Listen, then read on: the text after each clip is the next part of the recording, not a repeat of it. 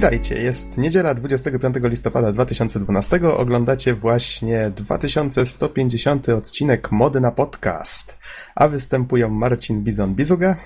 Witam wszystkich słuchaczy. Norbert Geksen-Jarzębowski. E, siemanko. I Bartłomiej Donsot-Tomycyk. Podły wieczór draństwu. Yy, dobry wieczór Państwu. A narrację prowadzi Adam Noxa 15 Dębski. No i tak, oczywiście to jest podcast 2pady.pl, a konkretniej no 2000 odcinków to jeszcze żeśmy nie dobili, ale stuknęła nam równa 90 już tym razem. Jak się z tym czujecie, panowie? No, jubileusz. Emeryci i renciści. No, no, jakby na to nie patrzeć. Ja czekam na setkę. O, myślę, że warto jakąś pomyśleć nad jakąś niespodzianką na setkę chyba, co? No, ale to na razie nic jeszcze nie mówmy. Zastanówmy się w takim podgrupie, w takim, takim mniej- mniejszy, mniejszym gronie i zobaczymy, co się da. Udawajmy, że my sami wiemy, co damy. Dokładnie. A więc wiemy. Tak, tak. Tak, tak, oczywiście. E, Okej, to może przejdźmy do newsów, czy może najpierw wspomnimy, o czym będzie podcast. Przede wszystkim po skomentowaniu jakichś tam ostatnich nowinek. Norbert opowie wam o swoich pierwszych wrażeniach, chociaż mówisz, że to już raczej recenzja, tak? Hitman No Absolution. takie pół na pół, gdy jeszcze do końca nie skończyłem, ale 30 godzin za sobą. Mhm. W ciągu weekendu. Nie, nie weekend. Z kolei ja W postaram ciągu się... jednego dnia po prostu Norbert.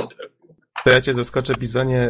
Spec Ops The Line, które zrecenzuję dzisiaj, skończyłem w jedną noc. To bardzo ładnie, a Angry Birdsy zajęły mi 30 godzin. Ale ty już opowiadałeś w jak ciekawy sposób, że się przechodził. Każdy ma jakieś swoje sposoby. Trzeba sobie radzić, nie? Trzeba sobie radzić, przecież nie będę siedział dodatkowych 20 godzin po skończeniu gry przy komputerze. Mówisz, że Żeby autopilot był w cenie. Autopilot był na szczęście darmowy. Ale sam żeś go skonstruował, to satysfakcja niby jakaś jest, nie? No, no, ułatwił mi dobicie ostatnich achievementów, nie tracąc bezsensownie czasu. Okej, w takim razie przejdźmy do tych newsów. To może Norbert powiedz, co Okej. tam ciekawego masz. Przyszła akcja Gramy Tatywnie. której głównym celem jest zebranie pieniędzy na cele charytatywne, a dokładnie na rzecz Fundacji się pomaga. Unikalne jest to, że łączy ona najbardziej znanych polskich wideorecenzentów, let's playowców i ogólnie inne osoby związane z grami.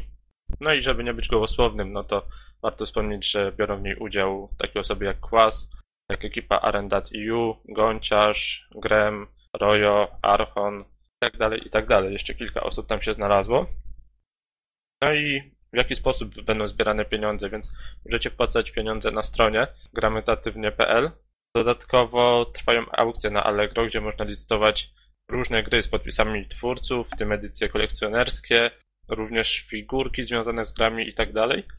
No i finałem akcji, czyli najważniejszym jej wydarzeniem będzie 24-godzinny stream wideo, w którym wezmą udział wcześniej wspomniane osoby. No i będzie w nim można zobaczyć m.in. turniej Mortal Kombat, unboxing Wii U, karaoke i tak dalej, i tak. Jako ciekawostkę dodam, że Archon powiedział, że zgodzi się na łyso, jeżeli uzbierają chociażby połowę założonego celu. W momencie jest 121%, więc e, no, będzie golenie na łyso. Warto się akcją interesować, może wpłacić parę groszy. No i tyle. W każdym razie do pierwszego jest jeszcze niecały tydzień czasu, więc zachęcamy do tego, żeby wesprzeć akcję. Znaczy obawiam się, że jak ten podcast opublikujemy, to zostanie już tego czasu bardzo niedużo, ale, ale myślę, że warto. Dać od siebie parę złotych. Okej, to może w takim razie przejdźmy dalej. Powiem wam, co znalazłem ciekawego na Kickstarterze ostatnio. Z jedną rzeczą się dość mocno spóźniłem. O Wing Commanderze na pewno słyszeliście. Tak, i stary, się o uszy. stary klasyk, no dokładnie. E, Chris Roberts, designer Wing Commandera, wrócił po latach, jak się okazało, zajmował się filmami w Hollywood. Ja przyznam szczerze, My o nie tym miałem... już nie, nie rozmawialiśmy? Wiesz? Chyba nie. Mi się wydaje, że nie. Gra nazywa się, ten projekt, który on teraz y, stara się, znaczy właściwie stara się, przepraszam, już go sfinansowali ludzie, bo właśnie mówię, dlatego się spóźniłem, bo on został już sfinansowany. Dokładnie 30, ponad 34 tysiące osób go sfinansowało. Miał zebrać pół miliona, a zebrał ponad 2 miliony. Gra nazywa się Star Citizen i ma być właśnie takim powrotem do idei Wing Commandera. No i właściwie to są najważniejsze informacje. Materiały zaprezentowane wyglądają bardzo ciekawie. Nie wczytywałem się w nie jakoś szczególnie, ale, ale widać, że ludzie są tym zainteresowani i chcieliby w coś takiego zagrać. No i przede wszystkim z Chrisem Robertsem czytałem wywiad bodajże na Gogu. I on tam właśnie opowiadał też o tym Star Citizen, opowiadał o tym, co robił przez ostatnie lata, trochę o tej swojej pracy właśnie w Hollywood. Przyznam szczerze, nawet nie wiedziałem, że on pracował przy niektórych filmach, o które są no, raczej dość znane. Już teraz dokładnych tytułów nie przytoczę, ale postaram się dodać pod podcast ten wywiad. No i może jeszcze uzupełniająco, uzupełniająco Wing Commander to jest po prostu symulator lotu statkiem kosmicznym i pewnie bitew jeszcze, z tego co widzę po screenach i okładkach. Mi zawsze gdzieś tam ten tytuł w uszach dźwięczał, aczkolwiek raczej nie miałem z nim większej styczności. Znaczy Ja- wiem ja o tak nim na tyle, nigdy- że to jest taki mocny klasyk i kiedyś dużo się o nim mówiło. Tak, to jest faktycznie gra, o której zawsze dużo się mówiło, a ja nigdy nie miałem też okazji w nią zagrać. Może kiedyś. Może kiedyś. O, znalazłem już. Jest wywiad z Chrisem Robertsem, więc też wrzucę go pod podcast. Będzie można go przeczytać, polecam. I co ja jeszcze znalazłem na tym Kickstarterze? Znalazłem Dizzy Returns. To to już zamieściłem u nas na Facebooku, bo stwierdziłem, że to jest fajna, świeża informacja. Mianowicie bracia Oliver starają się sfinansować właśnie projekt nowego Diziego, ale nie takiego, co wam opowiadałem, że wydali na smartfony ostatnio, tylko takiego pełnoprawnego, wiecie, Dizzy XXI wieku. Kicking ass Dizzy. Ma, właśnie być z piękną rysowaną ręcznie grafiką. Tak przypomina mi to, te koncepty przypominają mi troszeczkę Rayman Origins, czy ten nowy Rayman Legends. Ładnie to wygląda. Co No prawda ładne, mówię... ale Mhm. ja jestem znaczy już tak jakby z założenia nastawiony dość sceptycznie do tych projektów kickstarterowych. Boję się po prostu o jakość tej gry. Sądzisz, że może jakby dzisiaj ten gameplay nie wyrobić w dzisiejszych realiach? Nie być wystarczająco zabawny, tak to ujmę. No, zobaczymy. Ja jestem dobrej myśli. Mam nadzieję, że jak fani faktycznie faktycznie dadzą trochę pieniędzy z siebie, chociaż niestety widzę, że ta suma no, na razie dość wolno się rozkręca. 431 osób już wpłaciło, 11 tysięcy funtów zebrało na 350 potrzebnych tysięcy. No i Spoko. 25 dni do końca zostało jeszcze. To kiepsko to wygląda. No na razie tak. Bo akcja trwa już chyba z tydzień, z tego co się orientuję. No, mam nadzieję, że jednak uda się tą sumę uzbierać, bo. Znaczy, nie wątpię, że oni nawet jakby tej sumy się nie udało uzbierać, to staraliby się ten projekt zrealizować, ale no. Jednak wiadomo, wtedy na pewno byłoby z tym ciężej. No, zobaczymy, ja im dobrze życzę. Diziego bardzo miło wspominam. Co tu jeszcze z tych newsów? Co tu jeszcze? Mam takie drobinki w sumie. Jeden to to, że w portalu dwójce pojawił się w końcu tryb podzielonego ekranu w wersji PC. Przypomnę, że był dostępny w wersji konsolowej. Inna taka bardziej ploteczka, mianowicie Resident Evil Revelations. Nie pamiętam, czy ty ją recenzowałeś, Norbert? Tak, tak. Aha, Moim no to... zdaniem chyba najlepsza gra na, na 3DS-a. Już Mhm. na pewno najlepsza, jeżeli szukacie na 3DS-ie takiego hard, hardkorowej, tak, w cudzysłowie gry. Czyli Mhm. takiej typowej strzelanki, gdzie chodzicie, coś was przestraszy, trochę postrzelacie, trochę tego. Naprawdę pod każdym względem dopracowana gra i godna polecenia. Mhm. No to właśnie teraz się okazało, że jakaś koreańska agencja zajmująca się przydziałem wiekowym gier y, zdradziła się z tym, no przynajmniej tak wszyscy twierdzą, że, że, że jest jakieś prawdopodobieństwo, że faktycznie tak jest, że ta gra powstaje też na PS3 i Xboxa 360.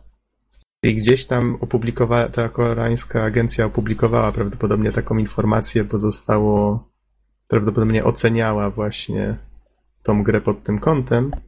No takie sytuacje się już zdarzały wcześniej.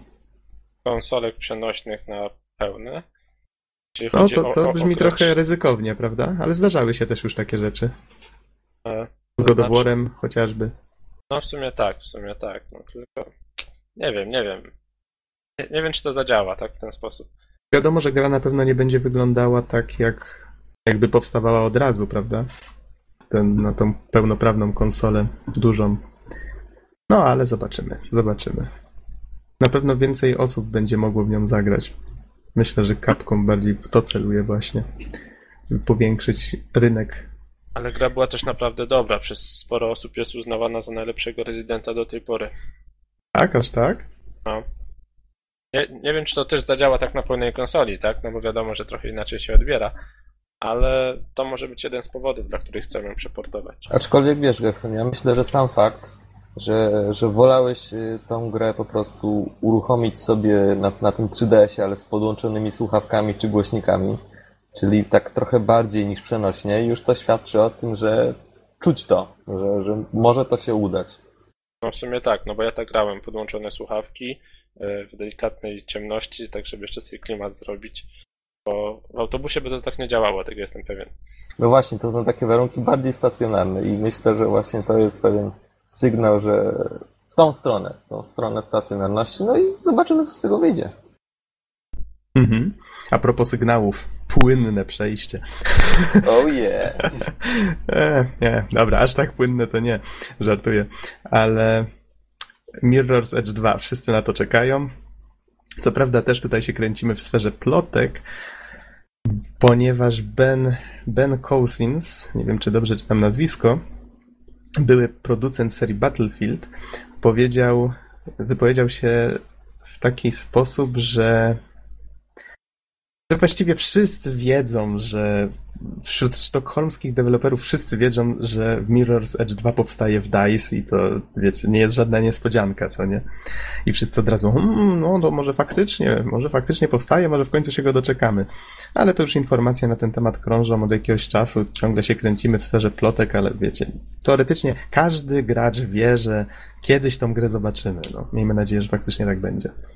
Znaczy to jest w sumie tak strasznie dziwna sprawa, nie? Bo każdy się jej spodziewa przy każdej najbliższej okazji, tak? Czyli jak są jakiekolwiek targi, to się spodziewamy, że tą grę pokażą, nie? Wszyscy myślą, że ją tworzą, a do końca nigdy nie wiadomo, nie? Mhm. Z tym Mirror's a wy też na pewno uważacie, że tak naprawdę to kiedyś musi powstać ta kontynuacja. Musi. Tak, musi. A oni tam w studiu trololololololol. 50 lat później. Nie no, ja czekam, coś trzeba masterować, nie? Ale tak, gierka była bardzo fajna. Myślę, że zasługuje na kontynuację. Na pewno nie tylko ja myślę w ten sposób. Hmm. Ale wiecie, w sumie to nie, kiedyś tam mówiono, że o, że tam jeszcze prototypy jakieś powstają. W sumie tak ciężko nawet stwierdzić, na jakim poziomie jest ta gra w tej chwili. W sensie, na jakim etapie produkcji. Szkoda, że nie ma żadnych oficjalnych ogłoszeń w tej sprawie. Naprawdę jak oni mają silnik, tak, tego swojego Frostbite'a, no to Mhm. zrobienie prototypu pewnie im dużo nie zajmuje. Wszystko zależy od tego, co chcą osiągnąć. Jeżeli nagle stwierdzą, że chcą zrobić z Mirror's Edge na przykład grę z otwartym światem, to by było fajne, czyli na przykład takiego asasyna, gdzie masz, wiesz, mnóstwo dachów i kierunek wybierasz sobie sam, no to wtedy wszystko zależy od tego, jak ten Frostbite radzi sobie z bardzo otwartymi przestrzeniami. Doczytywaniem kolejnych fragmentów, streamingiem terenu tak zwanym. No tak, więc to ale to zależy. może zostawmy szczegóły techniczne. Okej, okej. Dobrze, następna rzecz. Co tutaj takiego ciekawego? Cdaction.pl tym razem. Wcześniej news z Zatoma. Teraz Assassin's Creed 3. To już na PC miał swoją premierę. Pamiętacie, który to był może? Ja Mhm. niestety nie, nie śledzę przez... Bo okazało się, że w Belgii, Holandii i Luksemburgu mieli przykrą niespodziankę, ponieważ 14 listopada, może zacytuję, złodzieje przejęli ciężarówkę z wszystkimi egzemplarzami Assassin's Creed'a trójki w wersji PC, które miały pojawić się w dniu premiery w sklepach. Koniec cytatu. Na pewno Polacy. Spokojnie, wszystko znajdzie się niedługo w, sklepu, w sklepie w Poznaniu, tak? Nie, na Allegro. E, Nawet nie na eBayu. ja tylko słyszałem, że będą mieli problem, mianowicie z, problem z tymi kolekcjonerkami. Tak, tak. No bo resztę sobie dodrukują, tak? Ale jeżeli ktoś zamówił kolekcjonerkę, nie wiem, czy one są numerowane, czy nie. W jakiś sposób pewnie tak. I tutaj też w tym newsie jest podane, że, że faktycznie z tym jest problem, bo nie da się ich doprodukować. Z kolei te klucze, które były zawarte w tych pudełkach, już w tej chwili Ubisoft wie, jakie dokładnie były i oni zablokują te, te egzemplarze gry. Więc kupowanie Ale- kradzionych egzemplarzy w dzisiejszych czasach jest nieopłacalne, bo producent może po prostu stryknięciem palców zablokować wszystko. To jest zupełnie nie fair wobec graczy, bo wyobraź sobie, że ktoś wystawia tą grę na Allegro, tak? Mhm. Powiedzmy 10 zł taniej niż reszta. U wszystkich kosztuje 120, widzisz aukcję za 110. Kupujesz za 110, no myślisz, że to oryginał jaki sklep wystawił taniej. No i czemu mają ci zablokować, skoro zapłaciłeś za tę grę? A ty nie miałeś zielonego pojęcia, jakie jest źródło, prawda, No tak, pochodzenia. no bo Mhm. skąd możesz wiedzieć? No na pewno ci nie napiszą e, kradzione z dostawy z Belgii, dlatego sprzedajemy taniej. Okazja. Więc blokowanie też byłoby moim zdaniem kiepskim pomysłem, no sorry. Aha. No tak. To jest też ciekawy punkt widzenia. No to, to jest bardzo istotny punkt widzenia, no bo to, to jest punkt widzenia klienta, tak? To jest Mhm. Polska. Nie, to, to No. wszędzie tak. No. Come on, bo tutaj zaraz ktoś pomyśli, że faktycznie ktoś z Polski to ukradł. Z drugiej strony myśleliście o tym, że to może być też jakaś ściema? Nie wiem, wiem, że kiedyś też już ukradli jakąś ciężarówkę z grami, ale nie pamiętam z jakimi. Tutaj w nagłówku newsa sobie żartują, że a w Belgii nie zagrają, bo gry spadły z ciężarówki. w cudzysłowie. No tak, to, to jest takie właśnie, brzmi trochę niewiarygodnie, nie? No wiecie, ja- w dzisiejszych czasach czasem trudno jest y, odróżnić jakiś krok promocyjny, żeby narobić hałasu od, od faktycznej wpadki, powiedzmy. Mhm. Okej, to może przejdźmy dalej, chyba że macie coś jeszcze do dodania. Ode mnie już ostatni news, a mianowicie od Square Enix. Tutaj małe wieści. I to muszę przyznać takie, które nawet mi się podobają. Mianowicie firma postanowiła skończyć z walką sklepów przedpremierową. Znacie to na pewno. My dajemy takie bonusy, my dajemy takie i zazwyczaj są to jakieś pierdółki w rodzaju jakiejś takiej wyjątkowej misji, jakichś tam itemów cyfrowych, innych tego No typu tak, rzeczy. tak. I Square Enix postanowił, że trzeba najwyższa pora z tym skończyć i że od tej pory chcą ujednolicać te bonusy. Czyli, że każdy sklep przedpremierowo będzie mógł dać tylko to, co sobie Square Enix wymyśli. Według mnie dobrze. Też mi się tak zdaje. Ja ogólnie jestem takim dość sceptykiem, jeżeli chodzi o DLC, ale no jakby... To już inny temat, zgadza się. Tak, ale ja już wam mówiłem, że jeżeli czegoś nie dostaję, nawet niech to będzie pierdółka, no to czuję się tak, jakby ktoś mi wyrwał z książki kartkę albo dwie, tak? Mhm. Jest tam owszem jakiś niby opis natury, ale jednak no czegoś brakuje, tak? Wiem, że nie dostaję kompletnego produktu i właśnie dlatego często nie kupuję gier na premierze. Myślę, że uczniowie czytający nad Niemnem by się nawet ucieszyli, jakby się powyrywał trochę opisów natury. No ale, never mind. Teraz never tak, mind. ale kiedyś by się wkurzyli. w dniu premiery, tak? No, no premiery by mi się nie podobało.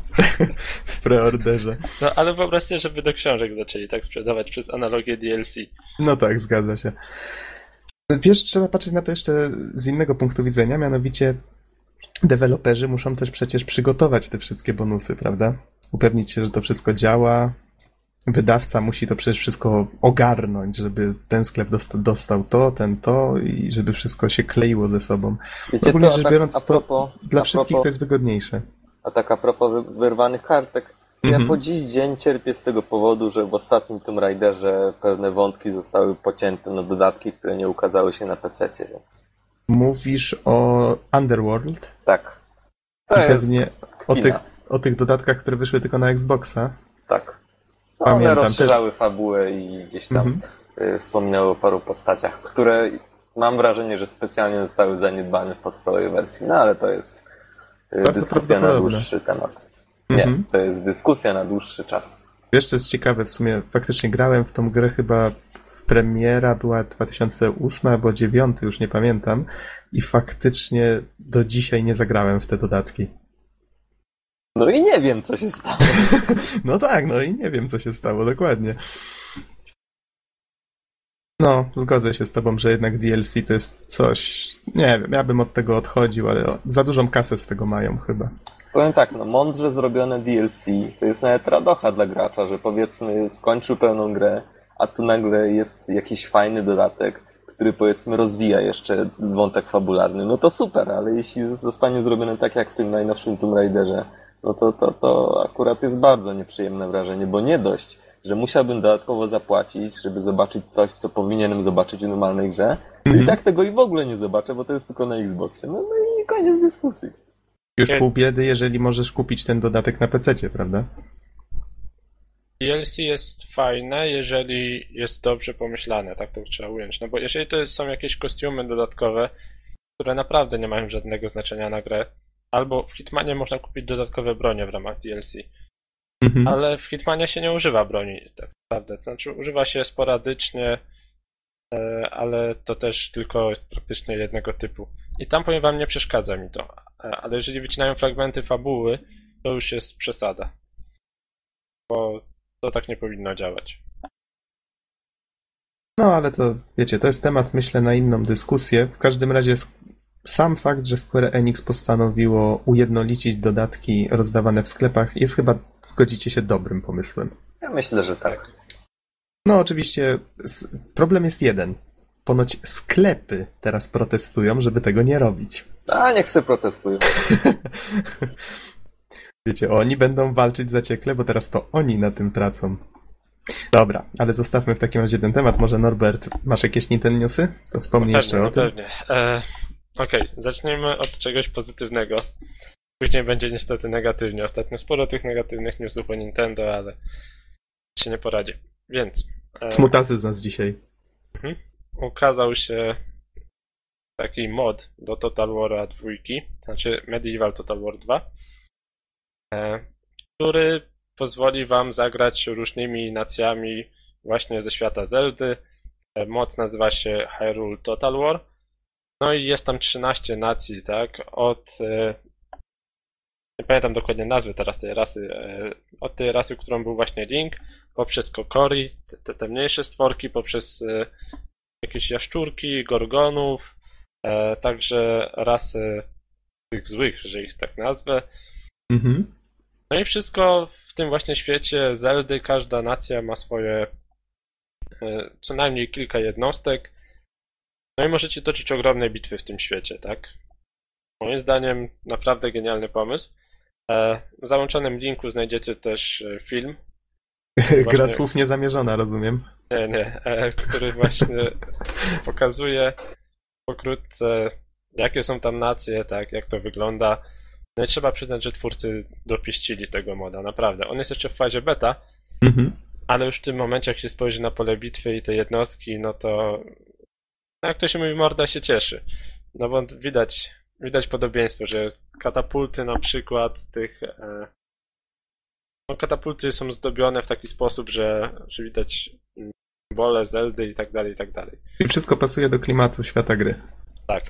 Do tego A- dorzuć sobie wielkie bitwy na kilka tysięcy jednostek. No i ja Trochę mogę od Tylko się tak zastanawiam właśnie, czy to... No wiesz, no Zelda jak Zelda, to zawsze przygoda, mie, walka na miecze i tego, te, takie tam rzeczy. Ale czy krew się leje w tym, w tym dodatku?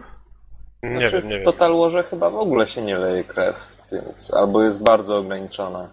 Także, ale mogę od siebie jeszcze dodać, że tak właśnie obejrzałem sobie to wideo prezentujące tego moda i jest naprawdę imponujący, no bo zazwyczaj no z czym nam się kojarzy mod? Ano z tym, że animacje są e, takie, no wiecie, proste i grafiki też są takie troszeczkę na kolanie robione i tak dalej. Natomiast tu- tutaj całość wygląda bardzo estetycznie i w niczym jakby nie ustępuje oryginalnej grze, co jest naprawdę wielkim, wielkim osiągnięciem, przynajmniej moim zdaniem. Dlatego, że no mody mają to do siebie, że wyglądają okropnie. Przynajmniej Czasami. dużo. Więc, więc to jest duża zaleta. I no, patrząc na to, a jeszcze jeśli ktoś zna w ogóle uniwersum Zeldy i, i w ogóle jest fanem, no to zapewne pozna jakieś wiele smaczków, różnych y, znajomych jednostek, krain i tak dalej, i tak dalej. Więc ja nie mogę się za bardzo głębiej na ten temat wypowiedzieć, ale patrząc na przeglądy jednostek na polach bitwy, no, widać y, detale, jakie. No i oczywiście pracę, jaką włożono, żeby, żeby to wszystko tak grało ładnie. Ja się właśnie tak tylko zastanawiam nad sensownością tego, bo mnie się nigdy nie kojarzył świat Zeldy z wielkimi bitwami, z armiami i tym podobnymi rzeczami. No to teraz będzie się kojarzyć. Nie wiem, ja jak na to patrzę, to czuję moc, tak to ujmę, tak? Rzucę okiem z chęcią, ale to po podcaście dopiero. Ja myślę, że to jest dobre urozmaicenie i fani Zeldy powinni być zachwyceni. Mhm. Na Bo pewno w nikomu... końcu, y, bo w końcu zobaczą jakby swoje ulubione uniwersum w zupełnie innym świetle, z zupełnie innej strony. Gra nawet posiada własne swoje intro, gdzie e, oni mówią, że tym razem niestety nie ma legendy żadnej, musimy sami walczyć o swoje życie i nikt nas nie będzie chronił, no i właśnie stąd te wojny, tak? Bo wcześniej Nie ma chłopczyka w zielonej czapeczce. ten- No właśnie. No i teraz jest właśnie jakby podkreślenie tego, że nie ma legendy, że że serio i każdy o swoje życie walczy i przetrwanie. To mi się podoba. Legend of Zelda? Legend of Link. tak, dokładnie. Coś mamy jeszcze z newsów? Chyba nie. A nie, no jeszcze chyba Wii U. Co- Coś tu słów. jeszcze... A, przepraszam. Została tak, mi jeszcze jedna jeden, informacja jeszcze. Jeszcze jeden bardzo ważny news. Mój błąd, mój błąd. E, tak, ten negatywny.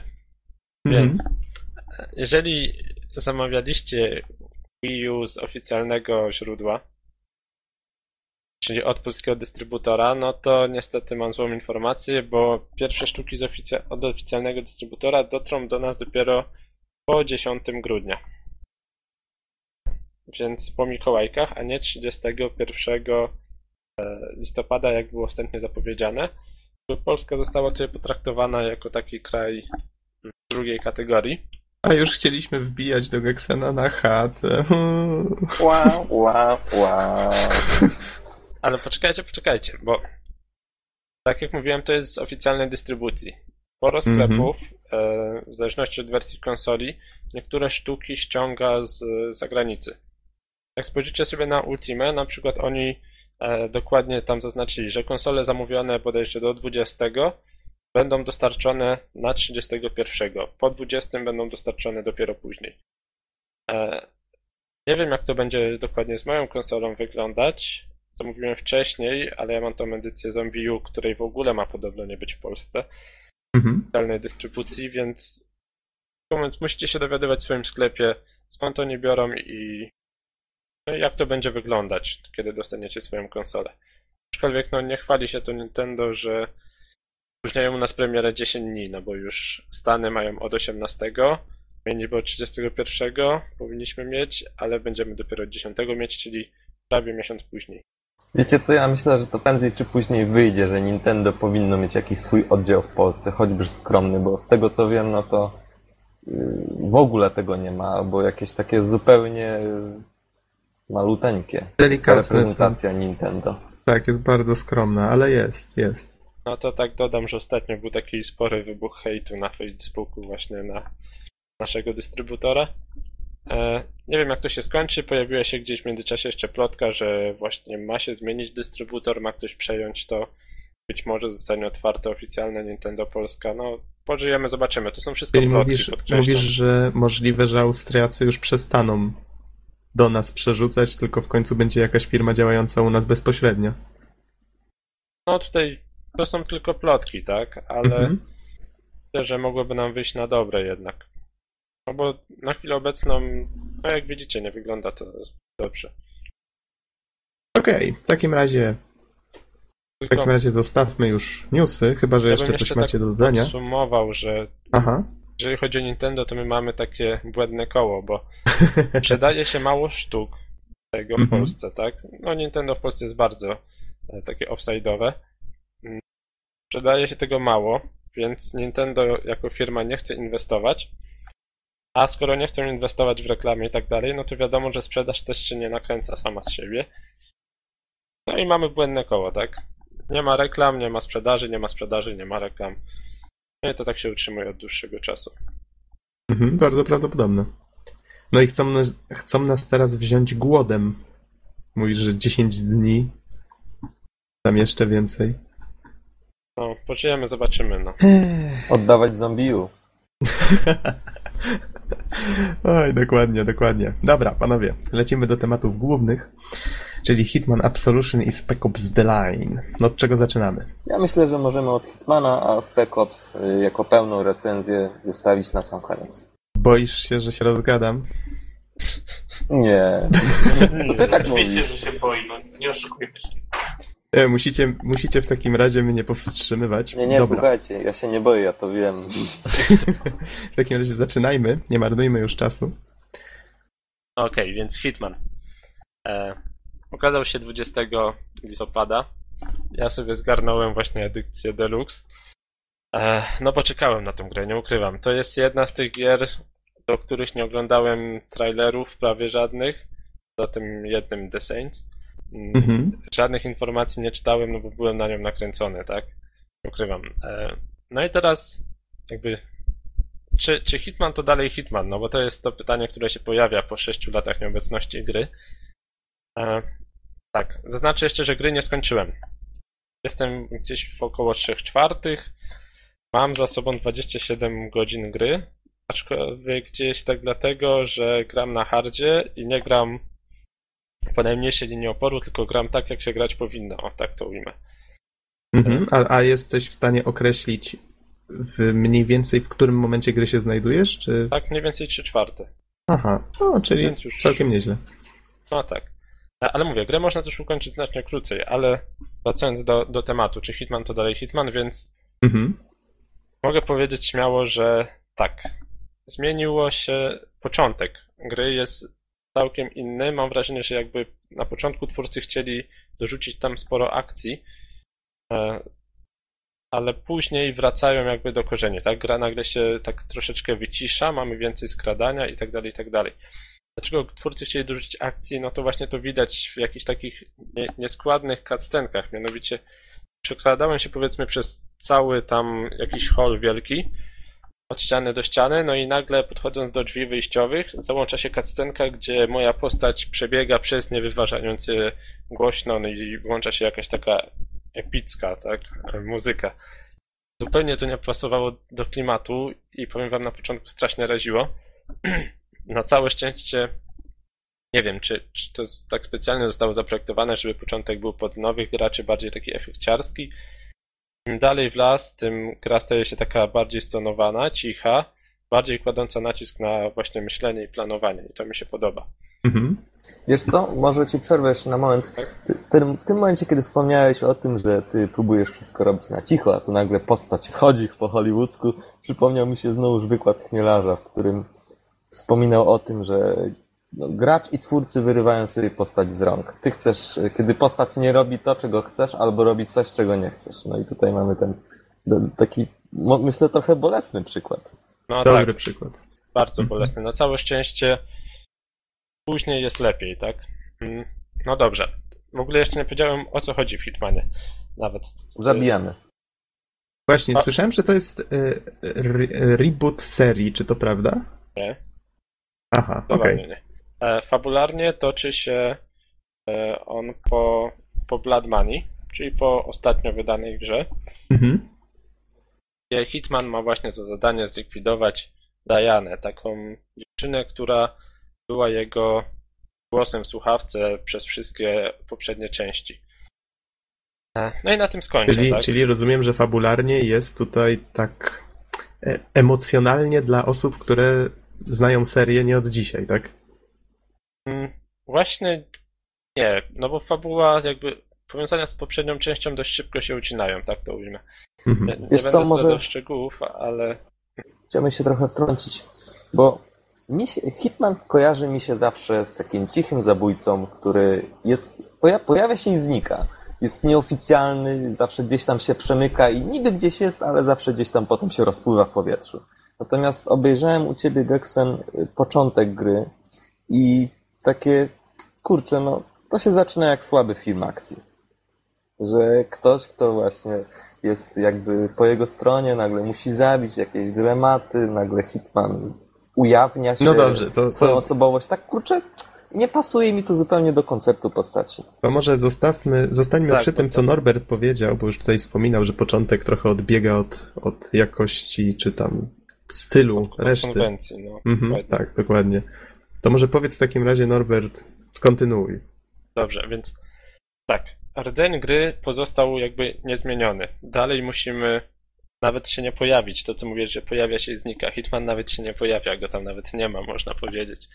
E, musimy zabić pewną osobę w jak najbardziej wyrafinowany sposób, tak nawet, żeby ona nie wiedziała, że została zabita celowo, tak? Nawet Ona nie- sama? I, i, I inne osoby też nawet, żeby o tym nie wiedziały. Żeby Innymi słowy, to takim- miało wyglądać na wypadek. Tak? Tak, nie wszystko da się tak załatwić, ale sporo, sporo właśnie rzeczy tak można i mam wrażenie, że im dalej w grę, tym więcej takich sytuacji nam gra stwarza. Mhm. Więc żeby nie być takim gołosłownym, oczywiście można wejść, wszystkich e, rozstrzelać i, i wyjść. To się sprawdza na poziomie easy, na poziomie normal też może da radę, na hardzie już na pewno nie. E, No i teraz jak wygląda właśnie ta sytuacja, kiedy chcemy kogoś zabić po cichu. Więc wtedy e, składamy się, wiadomo, e, dodali system osłon, to jest istotne, gdzie możemy się między ścianami tak szybciutko przemykać, e, kłócać i tak dalej, i tak. No i kiedy znajdziemy jakąś taką naszą pierwszą ofiarę, której strój chcemy zabrać, no to podkradamy się od tyłu, no i mamy już do wyboru. Możemy ją sobie albo tylko przydusić i ogłuszyć, albo zabić. Zabicie oczywiście jest szybsze niż przyduszenie, e, ale za to e, jakby możemy stracić więcej punktów. No bo każda śmierć, każde niepotrzebne morderstwo sprawia, że odejmują nam się punkty. No i wiadomo, im więcej punktów zdobędziemy, tym lepszy wynik. Punkty zarabiamy tylko za zabicie celu. Im bardziej wyrafinowany sposób zabójstwa, tym oczywiście więcej punktów. I w ten sposób gra nas jakby motywuje do tego, żeby starać się kombinować, a nie mordować wszystkich naokoło. Mhm. E, Okej, więc zgarniamy sobie pierwszy strój, przebieramy się, no i przykładowo widzimy, że nasz cel od czasu do czasu idzie sobie gdzieś tam zrobić siusiu przy jakiejś ścianie. No ale gdy podchodzimy do tej ściany, okazuje się, że tam są jakieś kable, więc łapiemy za klucz francuski, jeden kabelek odkręcamy, podłączamy tam napięcie, no i kiedy no i gdzieś sobie odchodzimy spokojnie na boczek, no i kiedy tamta osoba idzie tam załatwić swoje potrzeby, no to wiadomo, zostaje popieszczona prądem i ginie. E, No i tak można w ten sposób zaaranżować sporo śmierci, tak? Od, y, nie wiem, spuszczenia komuś kuli dyskotykowej na głowę, e, u, ciężko mi powiedzieć, otrucie, naprawdę jest sporo do wyboru. Porażenie prądem to już wspominałem, ale to można na kilka sposobów. Można oczywiście też kogoś zabić po prostu z pistoletu, czy udusić, aczkolwiek za to dostajemy mniej punktów. Mhm. No tak. No i w sumie tyle, jeżeli chodzi o gameplay. Tak jak mówiłem, że im dalej w las, tym bardziej musimy kombinować i jest fajniej naprawdę. E, Mi się szczególnie podobało e, przekradanie się strachem na wróble. To, to, to było genialne, gdy po polu kukurydzy my przebieramy się za strach na wróble i możemy wejść na taki właśnie stojak dla stracha, no i wtedy nas nikt nie poznaje. Osoby się koło nas prze, przechodzą, po prostu nie wiedząc, co się dzieje. Czyli Naprawdę są różne takie urozmaicające zabawy smaczki. Tak, tak, jest tego masa. Dodatkowo jest też trochę smaczków dla fanów serii. Mhm. Mianowicie e, często dość odnajdujemy kaczuszki. Znane z poprzedniej odsłony e, były właśnie w spotach reklamowych taka charakterystyczna żółta kaczuszka. Jeżeli ktoś grał w Kane Lyncha dwójkę, czy jedynkę, te Mhm. postaci także występują w tej grze. Nie będę zdradzał kiedy, jak, ale są widoczne i to tak właśnie takie puszczanie oczka jakby do, do graczy. O, no popatrz. Mm. No tak. Dodatkowo doszedł tryb multi. Coś o czym, co, warto wspomnieć. O, Czyli to dobrze czy źle? dobrze. Nawet bardzo dobrze. Ponieważ właśnie ja się zastanawiałem, jak to będzie wyglądać, nie? E, O co będzie chodzić? Okazuje się, że gracze mogą tworzyć na tych mapach, na których rozgrywała się fabuła, więc to jest jakby ryzyko drobnego spoileru, że zobaczycie lokację wcześniej. Ale na tych mapach, gdzie rozgrywa się fabuła, możecie sobie wybrać dowolne postaci, które gracz będzie musiał zabić na czas, no i wiadomo w jak najcichszy sposób. No i chodzi o to, żeby zarobić jak najwięcej punktów. Punkty to, e, przepraszam, czas to jakby punkty i morderstwa tak samo jak najbardziej wymyślne. Nikt oczywiście nie może nas zobaczyć, każde zobaczenie nas to e, no to stracone punkty. Czyli to jest taka rywalizacja punktów, tak? Tak, I tylko w ten sposób. tak. Nie ma Ale- strzelania do siebie. Nie, nie ma nic z tych rzeczy. Ale to Mhm. jest dobre, bo no nie ukrywajmy, że do stylu gry nie pasowałoby strzelanie do siebie. Tak jak mówię, Ja w przeciągu całej gry muszę się zastanowić, ile pocisków wystrzeliłem, ale w, tak w trzech czwartych myślę, że potrzebne mi były może ze trzy pociski, albo i mniej. Choć nawet bym nie musiałby, nie musiałbym ich wystrzeliwać. Naboje A nie, są drogie, co? Przepraszam, troszkę. Jest taka jedna scena, gdzie niestety trzeba strzelić przez pięć pocisków, ale ogólnie nie trzeba strzelać tak w tej grze i nie o strzelanie w tej grze chodzi, tak jak mówię. Jeżeli chcecie grać w tą grę tak, jak się grać powinno. Mhm. No kurde, Noxu, wiesz, na strzelnicy do Glocka nabój 2 złote, więc wiesz, trzeba oszczędzać. Taka ciekawostka, jest misja na strzelnicy, gdzie trzeba właśnie e, strzelać do celów, pobić jakby rekord tej postaci, ale tam też można załatwić tak, żeby obejść strzelnicę i nie trzeba było strzelać. E, to, to też jest ciekawe, No że misję można wykonywać na kilka sposobów. Mhm. No bo czasem właśnie nie musimy kogoś zabić, albo mamy jakiś cel pośredni. Możemy załatwić to w jakiś inny sposób, tak jak tutaj. Nie, nie trzeba walczyć, na, nie trzeba strzelać na strzelnicy, to można sobie się przekraść i odpowiednio załatwić sprawy inaczej. Nie chcę tutaj spoilerów puszczać. Podobnie jest, e, gdy trzeba załatwić takiego jednego zapaśnika na ringu. Możemy albo przekraść się bokiem i być gdzieś na trybunach, albo przebrać się za innego zapaśnika i załatwić go w walce wręcz. Na ringu, jak gdyby. No jak, jak to zapaśnicy się tłuką, tak? Hmm. Więc Brzmi bardzo fajnie. no, są różne drogi wyboru i no jest to właśnie świetne. A, jeszcze z takich innych rzeczy, nawet jeżeli przejdziecie grę raz, to jest to za mało, żeby odblokować wszystko, ponieważ gracze wprowadzili, przepraszam, gracze, twórcy wprowadzili taki system jakby mini achievementów. To nie są takie achievementy steamowe, czy, czy na czym tam gracie. Słyszę takie- bizona, który się budzi z letargu.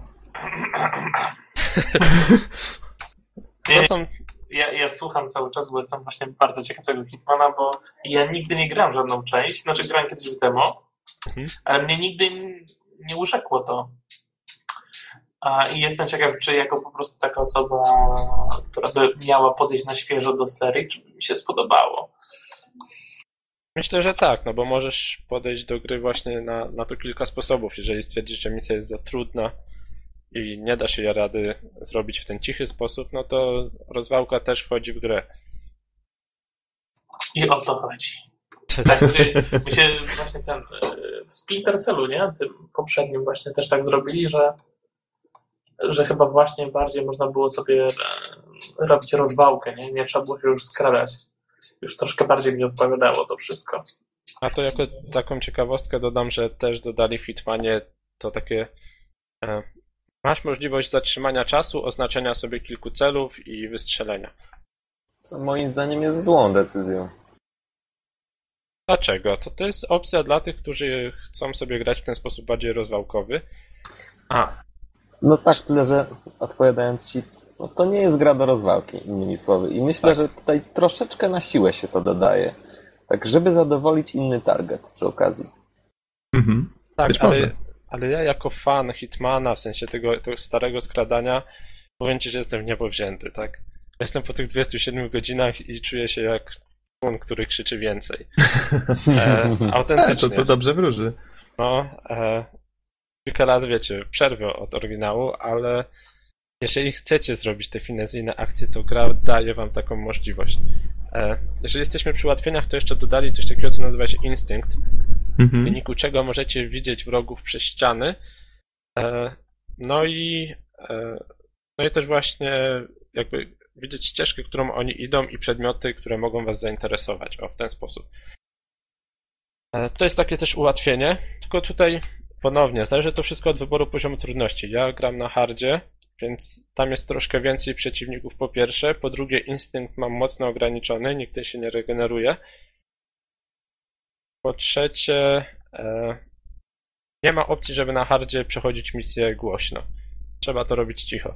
Więc jeżeli chcecie się zmusić do, do tej cichej gry, aczkolwiek możecie się zrazić, no to wtedy wybierzcie harda albo wyżej.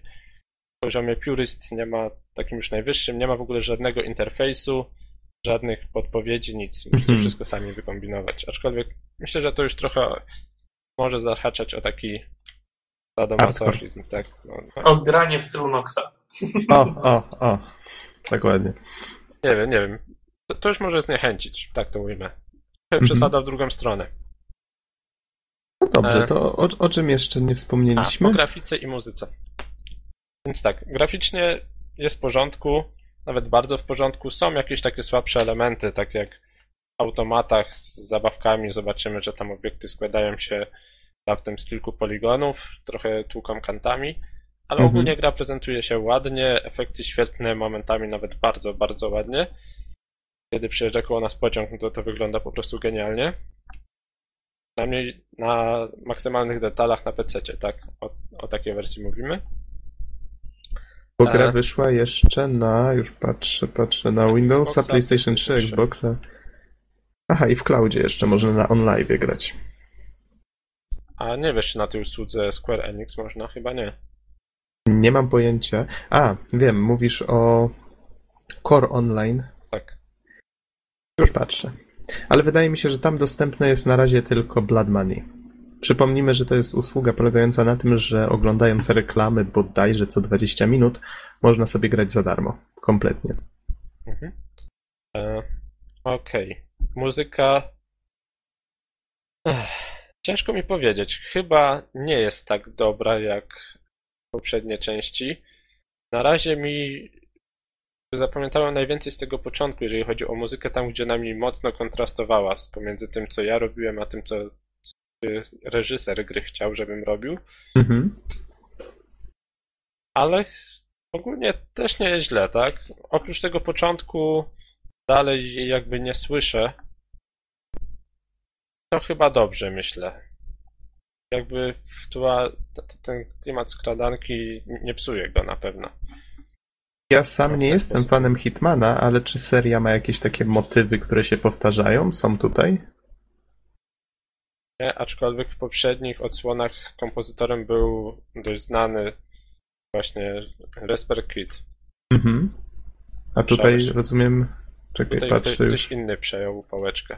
Patrzę, czy na wiki może nie ma tej informacji, ale chyba nie, nie widzę. Musiałbym poszukać dokładniej. Podobnie fani, niektórzy, ci tacy najbardziej hardkorowi, podob- oburzają się, no bo podobno zmienili też głos głównego aktora. To znaczy, momentami to słychać. Ale ogólnie nie jest źle. Jeżeli ktoś wam mówi, że nie, nie, to to już zupełnie nie ten sam Hitman, no to się nie zgodzę, tak? Jeżeli chodzi o głos, jest ok. Jeżeli chodzi o gameplay, przebrnijcie przez to pierwsze kilka misji, dalej jest tylko lepiej. Hmm. No i chyba tak to podsumuję, tak? Ja jako fan Hitmana czuję się naprawdę w pełni usatysfakcjonowany. Ten początek i fabularnie, i jakby gameplayowo kuleje i to bardzo kuleje. Nie wiem jeszcze jak końcówka, ale środeczek i te 3 czwarte jest po prostu miodnie. Czyli mówisz 27 godzin i jeszcze nie skończyłeś. Nie, aczkolwiek jestem świadomy tego, że jak przed chwilą Don usiadł, pokazywałem mu tą grę na szybko, na Mhm. easy wyczyścił etap dwie minuty czy trzy. Bo, Who's the man? a, ale to na easy, gdzie się życie regeneruje, instynktu ma się w opór i tak dalej, i tak dalej, tak. Ja mogę powiedzieć, że na Easy to wygląda tak, że po prostu latam sobie Z beztrosko. rentgenem w oczach. Niekoniecznie z rentgenem, ale no ktokolwiek wyskoczy, bam, bam, bam, tra, ta, ta, ta, ta. No i tak to wygląda, no po prostu takie, taki zupełny lame. Aż, że, aż się czuję, że się gwałci tą grę. Takie Mhm. miałem uczucie. No, to, to się gwałci. Ale znowu wiecie, przejście, tak, ten etap, który on wyczyścił 3 minuty, mi dzisiaj się zeszło z, z godzinę, żeby rozpracować dobrze. No to teraz od tego zabiorę kostium, te zwłoki schowam w tej skrzynce, a tutaj przemknę, dobra. Następnie tam rzucę żelazko, wtedy ten koleś przyjdzie, zainteresuje się, co tam się stało, to ja go zaduszę od tyłu i będę mógł przemknąć tym zakamarkiem. Dobra, to teraz tutaj wezmę tą trutkę na szczury i tej babeczce dosypę do, do kawy, te, tej trutki, wtedy ona umrze i będę mógł skończyć misję, no bo ona była moim celem. Tam akurat były dwa cele, no ale pierwszy się dość łatwo zdejmuje. Designerzy przygodówek LucasArtsu byliby z ciebie dumni. No może, nie wiem, ale naprawdę, jeżeli chcecie, można z tą taki miód wyciągnąć, że to daje taką satysfakcję, kiedy właśnie wykonacie tą mi- misję na tego Silent Assassina czy Shadow. Mhm. Nikt was nawet nie zobaczy, tak? Nikt nie wie, że tam byliście. Są misje, gdzie możecie przejść, nawet są za to te takie mini achievementy, żeby przechodzić wszystkie misje e, tylko w garniturze, bez żadnego przebrania. Kilka mi się udało. Kilka mi się udało się tak właśnie przekradając, odpowiednio angażując sceny, ale jest to, to nie wiem, czy to jest na, na hardzie wykonywalne, tak? Być może Mhm. jest. Wszystkie. No dobrze, panowie, czy są jakieś pytania? Ja miałbym pytanie, ale to może zostawmy je na koniec, bo chciałbym je zadać odnośnie całej serii. No to chyba już koniec podsumowania. No, może zaczekajmy, może ktoś jeszcze ma jakieś pytania? Nox, Bizon, Gexen, może masz jakieś pytania? Mnie się wydaje, że Norbert, no, wyczerpał temat, jak ty to ujmujesz często. No dobra, no to ja zadam to pytanie. Mhm. Yy, Powiem tak, ja z całą serią, podobnie jak Bizon, miałem do czynienia bardzo krótko, tylko z jedynką. Do, do, doszedłem do drugiej misji, która była po prostu... No, byłem młodszy, ale jak dla mnie była zupełnie niewykonalna. I teraz y, takie moje pytanie. No powiedzmy, ktoś się zainteresował powiedzmy twoją recenzją i tym samym całą grą i całą serią. No i stwierdza, że chciałby sobie zacząć grać. Y, No i teraz proste pytanie, od czego zacząć? No bo skoro jedynka jest taka sadomasochistyczna, no bo nie ukrywajmy, tego jest trudna, to jak to ugryźć? Chodzi ci fabularnie, tak? To znaczy tak, żeby mieć, żeby, żeby uniknąć jakby niepotrzebnego trudzenia się, ale mówię tutaj o takim sadoma- sadomasochistycznym trudzeniu się, a mieć fabułę y, i obraz postaci taki jak najbardziej kompletny. Myślę, że możecie spokojnie zacząć od właśnie Absolution, tak? Jeżeli nie chcecie grać poprzednie. Bo te nawiązania do poprzednich części są, aczkolwiek nie są one jakoś bardzo ważne, tak? I one się dość szybko ucinają. Gra zaczyna swoją własną fabułę. Tak jak dwój, dwójka na przykład zupełnie jest niezwiązana z jedynką praktycznie, no bo tam porywają księdza, no i robimy wszystko, żeby takiego księdza odbić. W jednym wielkim skrócie. E, no i tutaj, tutaj jest na swój sposób podobnie, tak? Czyli gra jakby stara się tworzyć swoją własną zamkniętą fabułę, nie opierając się e, na, na poprzednich częściach. Jedynkę warto zagrać, żeby dowiedzieć się jakby genezy. Dwójka to klasyk. E, kontrakty, no to jakby dodatek tak naprawdę do dwójki. No i Blood Money, tam jest końcówka genialna, jeżeli chodzi o fabułę, aczkolwiek nie znając tej końcówki, spokojnie możecie grać w Absolution. Wiedząc tyle, że Hitman współpracował z Dianą wszystkie poprzednie części. Mhm. Okej. No dobrze, panowie, to w takim razie przechodzimy do Czekaj, to Spec może Ops The ten, to może- Zanim, zanim przejdziemy do Spec Opsa, spokojnie, gdzie się nam nie śpieszy, nigdy, nigdzie nam się nie śpieszy. Powiedz mi, Gekson, czy w twoim mniemaniu Hitman Absolution zepsuł trochę postać Hitmana? Tak. E, mianowicie odzywa się znacznie więcej. E, dużo mówi. Tutaj się boję spoilerów, tak. Mogę powiedzieć tak ogólnie, że na początku popełnia błędy. To jest zupełnie do Hitmana niepodobne, no bo to była postać idealna, bezbłędna. I strasznie drażniło, ale tak jak mówię, im dalej, tym bardziej Hitman staje się bardziej hitmanowy. Zobaczymy, jak to będzie do końca, ale na chwilę obecną czu- czuję, że Hitman to, to jest ten Hitman, tak? Trzech czwartych gry. Mhm. Szczególnie po tym, czego dokonałem nim dzisiaj grając, to jest naprawdę śliczne, śliczne. I jeszcze takie moje Już pytanie. się boję. Jeszcze takie moje pytanie. Czy nie uważasz, że on się trochę tak uzewnętrznia? Mm, Wyraża opinię, y, rozmawia właśnie, pokazuje mimikę, emocje. To też jakby Ach. trochę nie pasuje. Ja nie wiem, czy on pokazuje dużo emocji, sił zewnętrznych. Może jak na stare standardy. Mm, No tak, no.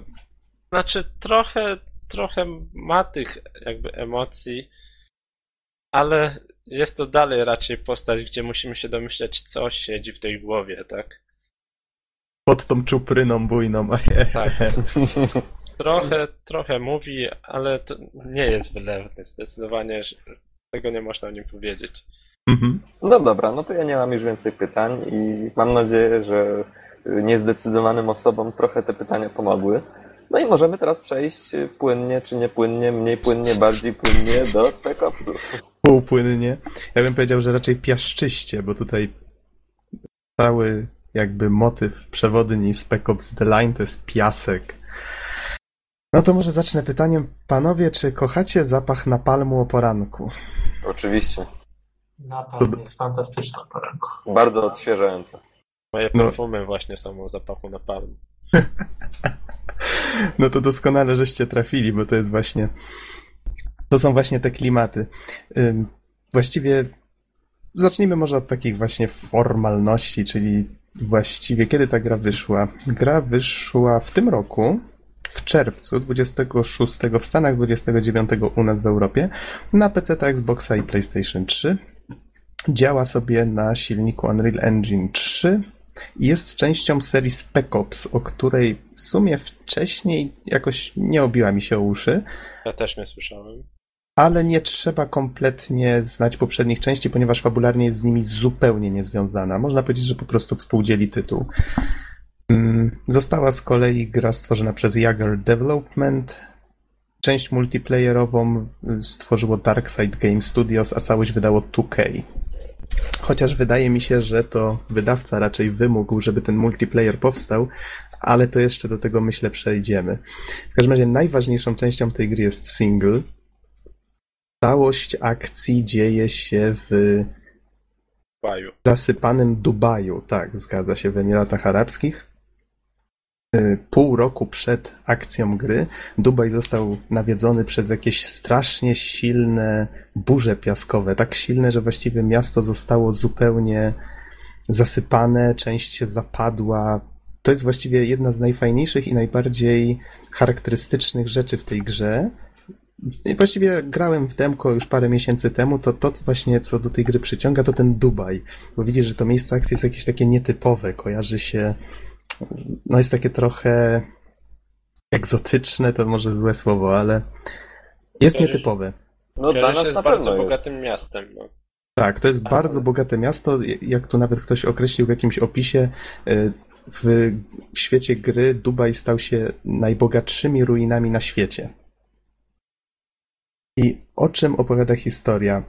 Mm, Mamy tutaj A, czekaj, chwileczkę, Mhm. moment. Jakby powiedział, jakby powiedział Scooby-Doo, chwilunia. Yy, skąd te w ogóle burze piaskowe? Jakoś by zostało to wytłumaczone, czy po prostu burze piaskowe? Okej, idziemy dalej. Myślę, że nie będzie żadnym spoilerem, jeżeli powiem, że to nie jest w żaden sposób tutaj tłumaczone, a przynajmniej nie przypominam sobie, żeby ktoś to próbował w jakiś sposób wyjaśniać. Po prostu założono, że tak było, że to miasto jest w tej chwili odcięte zupełnie od świata, prawie odcięte od świata zewnętrznego. I jakiś czas wcześniej, przed akcją gry, y, niejaki John Conrad został wysłany tam ze swoim oddziałem 33 batalionem, żeby odnaleźć wszystkich ocalałych i ewakuować to, co z tego miasta, to znaczy pozostałych jakby tam ludzi z No tego wzięło miasta. i zasypało. Jakieś pytania? No niestety y, kontakt z Konradem się urwał. Jeszcze tam był jakiś taki wątek, że Konrad y, odmówił wykonania rozkazów dowództwa, bo kazali właśnie mu ewakuować całe miasto, coś tam się w każdym razie nie udało. No i uznano, że jak ktoś mówi, zdezerterował. O, właśnie. No i tutaj trafia trójka naszych bohaterów. Jest to trzech żołnierzy. Nazywali się bodajże. A, już mam, znalazłem. To był Walker, Adams i Lugo. I ta trójka, tą trójką jakby kierujemy przez całą akcję gry. Widzimy ich na początku, jak przebijają się właśnie przez burzę piaskową i trafiają do tego Dubaju. Okazuje się, że miasto jest odcięte przez tą burzę w tej chwili, nie ma żadnego kontaktu z dowództwem z zewnątrz i że ich misją jest właśnie sprawdzenie, co tam się stało. No i tak właśnie zaczyna się cała akcja. A No nie wiem, czy, czy jakieś pytania na razie? no to do części fabularnej nie bardzo, no bo to, to może na to spoilery zahaczyć. Ale tak bardziej mnie ciekawi gameplay. Mhm. to może powiem tak, z gameplayu mm, nie spodziewajcie się tu niczego, kompletnie niczego innowacyjnego. Twórcy myślę, że starali się wzorować na już istniejących strzelankach TPP z systemem osłon i po prostu właściwie gra się strasznie standardowo tutaj. Tak jakby, jeżeli grałeś w jakąkolwiek strzelankę z systemem osłon, tak tutaj po prostu wskakujesz w tą grę od razu. Właściwie wiele rzeczy robi się prawie tak samo jak, nie wiem, w Gears of War, czy podobnie jak w Uncharted. Co prawda postacie nie są oczywiście jakoś tak y, wysportowane jak Nathan Drake, nie skaczą po ścianach i nie robią różnych takich cudów. Myślę, że twórcy starali się tu tak trzymać no takiego względnego prawdopodob... nieprawdopodobieństwa, tylko względnego realizmu. Czyli jednak mamy tutaj wrażenie, że faktycznie te strzelaniny, które się odbywają, bo oczywiście znajdujemy tam ludzi, do których można sobie postrzelać, oczywiście wrogo do, na, do nas nastawionych i Nie, Faktycznie. po prostu można sobie do nich postrzelać dla jaj. Czas No, no, wiesz co, przepraszam, że ci przerwę, a mnie No. interesuje jedno. Dlaczego ta gra? Dlaczego ty wybrałeś tę grę i dlaczego w to grasz? Przecież to nie jest raczej taki e, rodzaj gier, w które ty grasz zazwyczaj. No właśnie, sam mówię, że nie lubisz gier wojennych. A to jest taka, no, misja specjalna żołnierzy. Mhm. To jest dobre pytanie. Tak jak wspomniałem, ten Dubaj mnie przede wszystkim zainteresował. Ja lubię, jak gram na jakieś nietypowe miejsce akcji. I jeszcze jedna rzecz. W demku ten zalążek fabuły e, pokazuje, że pokazywał mi, że faktycznie tutaj to nie jest taka zwykła, wiecie, gra wojenna, no nie wiem, tak jak Call of Duty, że ojej, dobra, to lecicie tutaj, zastrzelcie tych, pojedźcie tutaj, zastrzelcie tamtych, koniec fabuły, hurra, wszyscy wygrali wojnę. Tylko faktycznie Ej, nie spoiluj fabuły Call of Duty. Oj, przepraszam, nie chciałem. E, tutaj faktycznie ta historia rozwija się tak troszeczkę dziwnie. Mnie się trochę to skojarzyło z Bioshockiem pod pewnymi względami. To znaczy, z, ci ludzie z zewnątrz docierają do tego miasta, okazuje się, że ono jest zrujnowane, że tutaj dzieją się jakieś niesamowite rzeczy, że tutaj jakieś siły ze sobą walczą, o których oni nie mieli pojęcia, że je tam spotkają i jakby odkrywają warstwa po warstwie to, co się tam działo, a jednocześnie jest tutaj taki wątek, no tak jak z tym Napalmem wspomniałem, historia jest dość mocno inspirowana y, czasem apokalipsy, który jest z kolei, jak wiecie, inspirowany jądrem ciemności. Zresztą sam się pojawił y, Konrad. To mi się Tak. w ogóle skojarzyło z Josephem Konradem. Dokładnie, widzę, że to zauważyłeś. Tak, twórcy też to wykorzystali i, i właśnie autor Jądra Ciemności ja- jakby dał tutaj imię też ten, temu generałowi, czy nazwisko właściwie. Uściślijmy, że to Polak. Y, Mówisz o autorze książki. Tak. Tak, zgadza się. Mhm. Pozdrowienie dla filologów. w każdym razie y, tego nie widać zupełnie na początku, no może poza tutaj nazwiskiem, ale to wiesz, to jest jeszcze słaby trop, ale gra naprawdę ma dużo wspólnego. Znaczy wiesz co, ja w ogóle kiedy zobaczyłem, to ja już wiedziałem. O, Joseph Konrad. Tak mi się pierwsze skojarzenie. Tak. No tak, ale ty jesteś na filologii, prawda? No Polskiej. No A właśnie. to może opowiedzcie ludziom, którzy książek nie czytają, o, o co biega. To może Dom tak powiedz w, w takim filozoficznym skrócie.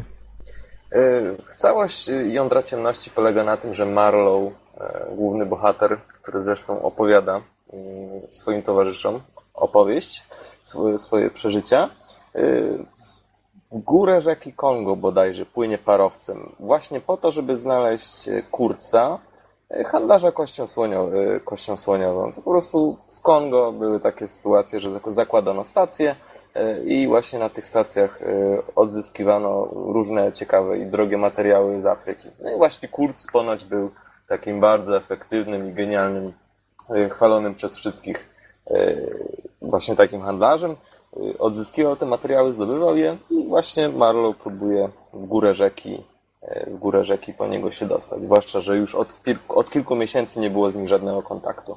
No i myślę, że to, to będzie wystarczyć mniej więcej. A, ale to czemu jądro ciemności?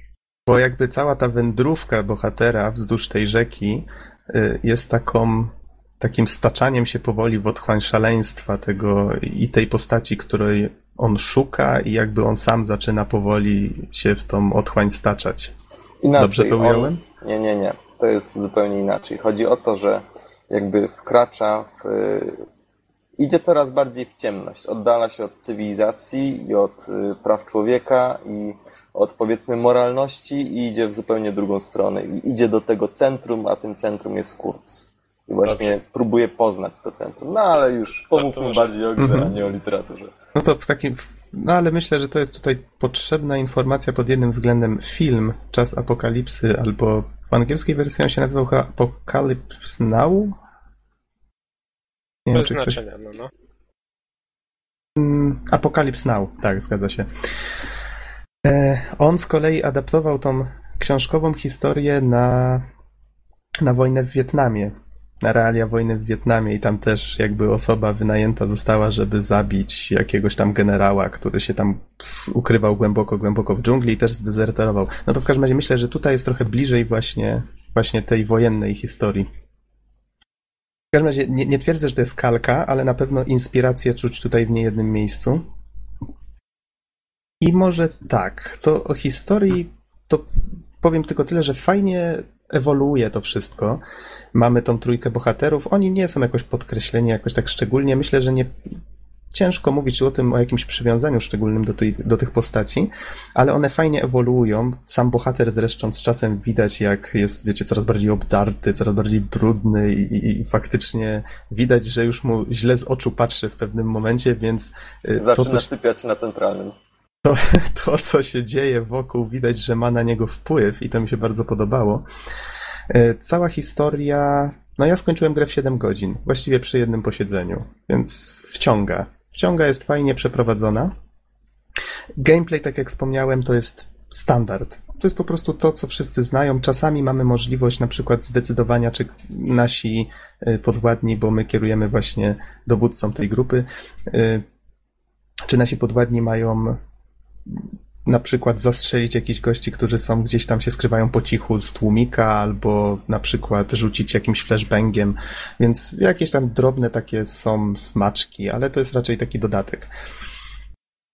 Y, Jest trochę skradania, jest sporo akcji. Tak jak mówię, to wszystko balansuje tak troszeczkę na granicy wiarygodności. Tak starali się troszeczkę twórcy, żeby to było w miarę Wiecie, i żeby akcja była fajna, intensywna i żeby to sprawiało wrażenie troszeczkę autentycznego. No tak, mówię, granica realizmu. Ym, Ale wiesz co, jednak Mhm. o, o tym realizmie, no to nie przesadzajmy. No wiem, ale jak na standardy growe nie jest źle. Może tak. Później się robi coraz bardziej hollywoodzko, im dalej w grę, ale to też ma... Też Swoje ma... granice jakieś. Nie, tak? nie, nie, nie. To też ma swój cel. Może tak to ujmę. Nie będę się tutaj za bardzo mm, zagłębiał w to, o co mi chodzi, ale też to jest zrobione celowo. Myślę, i to jest właśnie fajne w tej historii, dopiero jak przejdziecie całą grę, to spojrzycie na wszystko to, co robiliście wcześniej, na to całe wasze przyzwyczajenie do tego, że o, to pewnie jakaś taka typowa średnia strzelanka, usiądę sobie, postrzelam do, do NPC-ów i, i będzie fajnie. Kończycie tą grę i o mój Boże. Zaczynacie się zastanawiać nad tym wszystkim, co żeście zrobili i, i, i w sumie zaczyna do was docierać, że ta historia jest nawet lepsza niż wam się wydawało, co nie? I twórcy nawet w pewnych momentach wykorzystują przeciwko graczowi to, że podchodzi do tego jak do gry.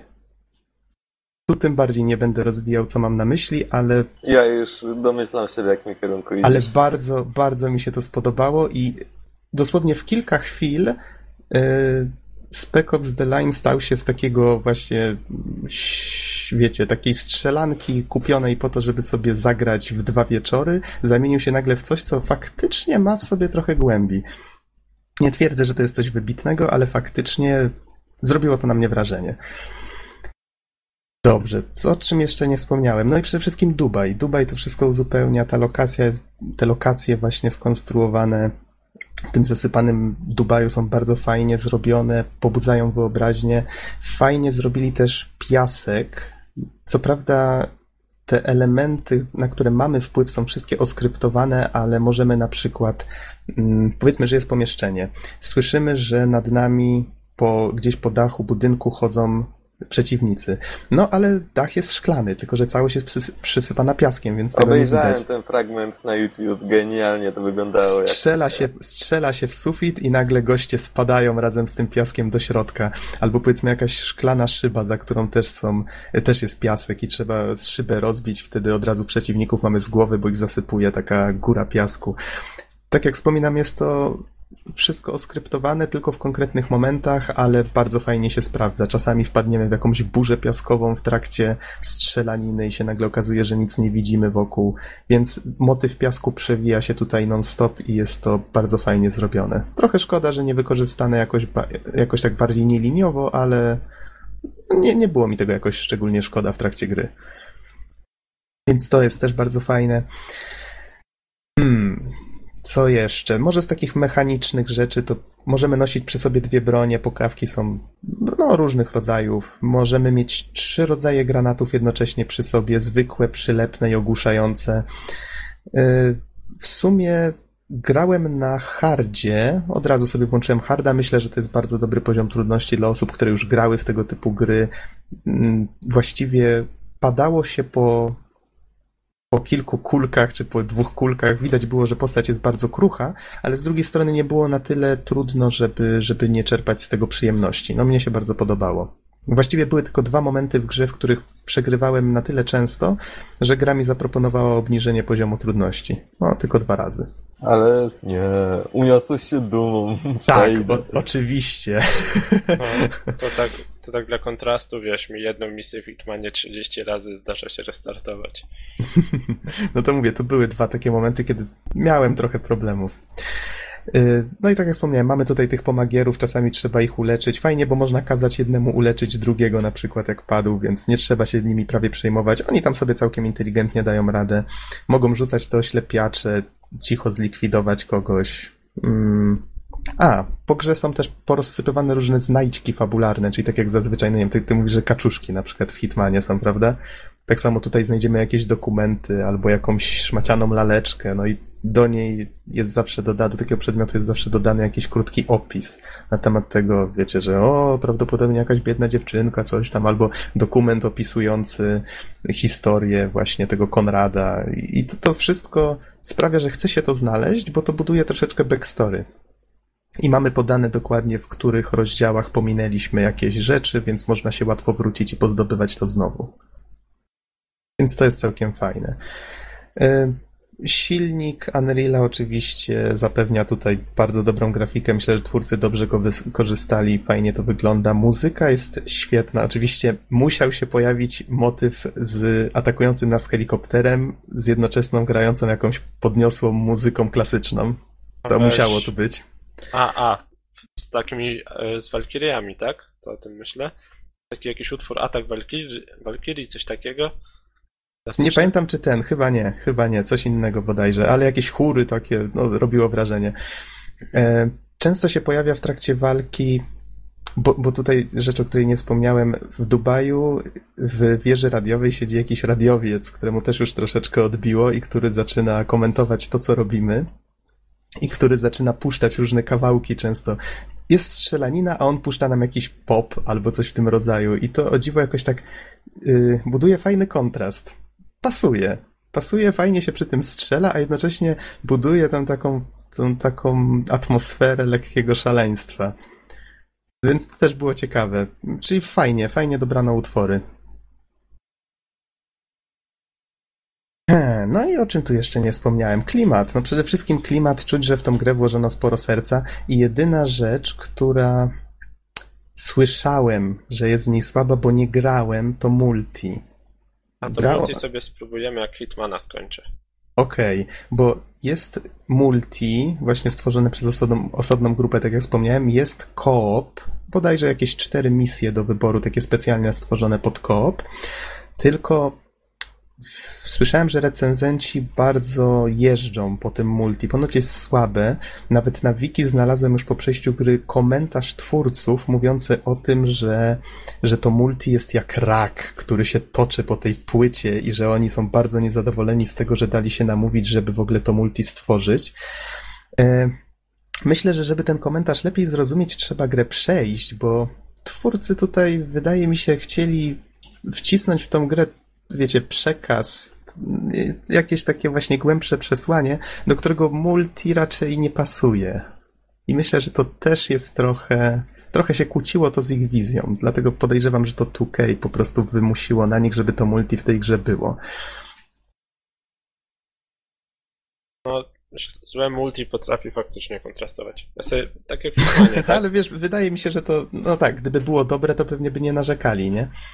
Ale w Hitmanie nie idzie zrobić multi jako strzelaniny, żeby Mhm. był taki klimat, no bo no nie da rady po prostu. Ale ja właśnie mówię, nie testowałem, więc myślę, że nie powinienem się tu zbyt mocno wypowiadać, ale wydaje mi się, że rozumiem twórców, dlaczego tego multi w tej grze w ogóle być nie powinno. No może dlatego, tylko wiadomo, że to zawsze wpływa na sprzedaż, co nie? Z kolei narracja gry, z tego co widziałem, była doce- jest doceniana w wielu recenzjach, więc tu- tu akurat widzę, że nie tylko ja byłem mile zaskoczony. W każdym razie grę, po grę warto sięgnąć. Ja ją kupiłem, no szczęśliwie za 15 zł tylko ją dostałem w jakiejś tam promocji Senegi. Ona normalnie chyba kosztuje z 50 w tej chwili. No nie wiem, czy to jest taka cena w sam raz dla nią. No, mówię, 7 godzin. 7 godzin bardzo fajnie spędzonych. Jeżeli ktoś uważa, że to jest dość czasu za tyle pieniędzy, to myślę, że warto. To jest raczej, raczej dobrze się bawiłem. I tak jak mówię, też daje trochę do myślenia troszeczkę ta historia. Takie troszeczkę burzenie tej czwartej ściany, tak jak we wspomnianym Bioshocku, tylko w, tro, na trochę innych zasadach. Myślę, że warto ten tytuł dlatego zapamiętać. Taka ciekawa Czyli- zabawa game designem. I tak naprawdę mamy dobrą strzelankę z y, naprawdę niezłą fabułą. Ogólnie chyba Tak. całkiem, całkiem niezły tytuł, tak? Tak, myślę, że to jest zdecydowanie gra, o której o dziwo mało się mówi, a powinno się mówić troszkę więcej. Warto zapamiętać. Wiecie co, tak oglądam sobie e, gameplay. W zasadzie teraz przerwałem oglądanie, bo zorientowałem się, że to chyba jakaś końcówka albo coś, więc nie wiem, sobie spoilować w razie czego. E, I słucham Noxa i w zasadzie myślę, że moim zdaniem, tak na pierwszy rzut oka, to, to wa- jeśli warto zagrać w tą grę, to głównie dla fabuły i dla klimatu, bo jak tak zobaczyłem sobie na to, co, jak tu wygląda rozgrywka, no to, to w tej grze praktycznie nic nie ma. Takie Mhm. jest moje wrażenie i jedyny, jedyny powód, dla którego ja miałbym spróbować, no to Dubaj, wszystko co się sypie, przesypuje, wysypuje, nasypuje, yy, no i oczywiście fabuła, chociaż szczerze powiedziawszy, jakoś nie spodziewałem się, że to było wyjątkowo głębokie. No ale może Tak jak mówię, to nie jest nic wybitnego, ale wydaje mi się, że twórcom udało się, tak jak żeś wspomniał o tym, że designer wyrywa postać z graczem, prawda? Sobie. Czyli Mhm. on chce, żeby ta postać robiła coś innego, gracz chciałby, żeby coś innego. Tak samo twórcy tutaj podeszli w trochę jeszcze inny sposób i pomyśleli, słuchajcie, jeżeli spróbujemy jakąś głęboką historię albo w ogóle zrobimy, nie wiem, adaptację czasu apokalipsy, to przecież nikt tego nie kupi, bo to będzie no to do gier to nie pasuje. Dlatego zróbmy grę, która faktycznie, w którą się gra jak w grę. To, to jest gra, okej, strzela się fajnie i każdy gracz podejdzie do tego jak do gry, w której się strzela i super, ale jednocześnie wykorzystajmy to trochę przeciwko niemu. Niech on w pewnym momencie się puknie w czoło i, i zastanowi trochę nad tym, co robi, co nie? Więc to myślę, że warto zagrać chociażby dlatego, żeby zobaczyć, jak sobie z tym poradzili. Myślę, że to jest taki ciekawy, ciekawy game designerski eksperyment też pod pewnymi względami. Mhm. To myślę, że jeśli nie ma jakichś większych komentarzy i pytań, to myślę, że temat jest wyczerpany na dzisiaj. No właśnie, są pytania? Nie ma. Nie ma pytań. Dobrze. Skoro nie ma pytań, to myślę, że żeśmy w takim razie, no, półtorej godziny, nie, godzinę dwadzieścia widzę, że mamy na liczniku. A co w takim razie na najbliższy tydzień? Macie już jakieś pomysły? Ja zacząłem grać teraz, zaczynam grać w Mass Effecta trójkę w końcu, po tylu miesiącach. Skoro o trójce mowa, płynne przejście, ja wreszcie, y, ja wreszcie dorwałem się do Raymana trójki, grę, w którą chciałem zagrać w dzieciństwie, nie miałem takiej możliwości, więc spełnię swoje marzenie i, i ją zagram, w nią ukończę i myślę, że zrecenzuję. Mhm. To ja z Ja- chęcią podyskutuję. Ja pewnie skończę Hitmana, a później będę grał dalej, żeby e, odblokować te mini achievementy, czyli odnaleźć alternatywne drogi, żeby zabić kogoś w jakiś taki fajny sposób. Mhm. O, a ja sobie przypomniałem, pamiętacie jak wtedy ten event, na który się śpieszyłem?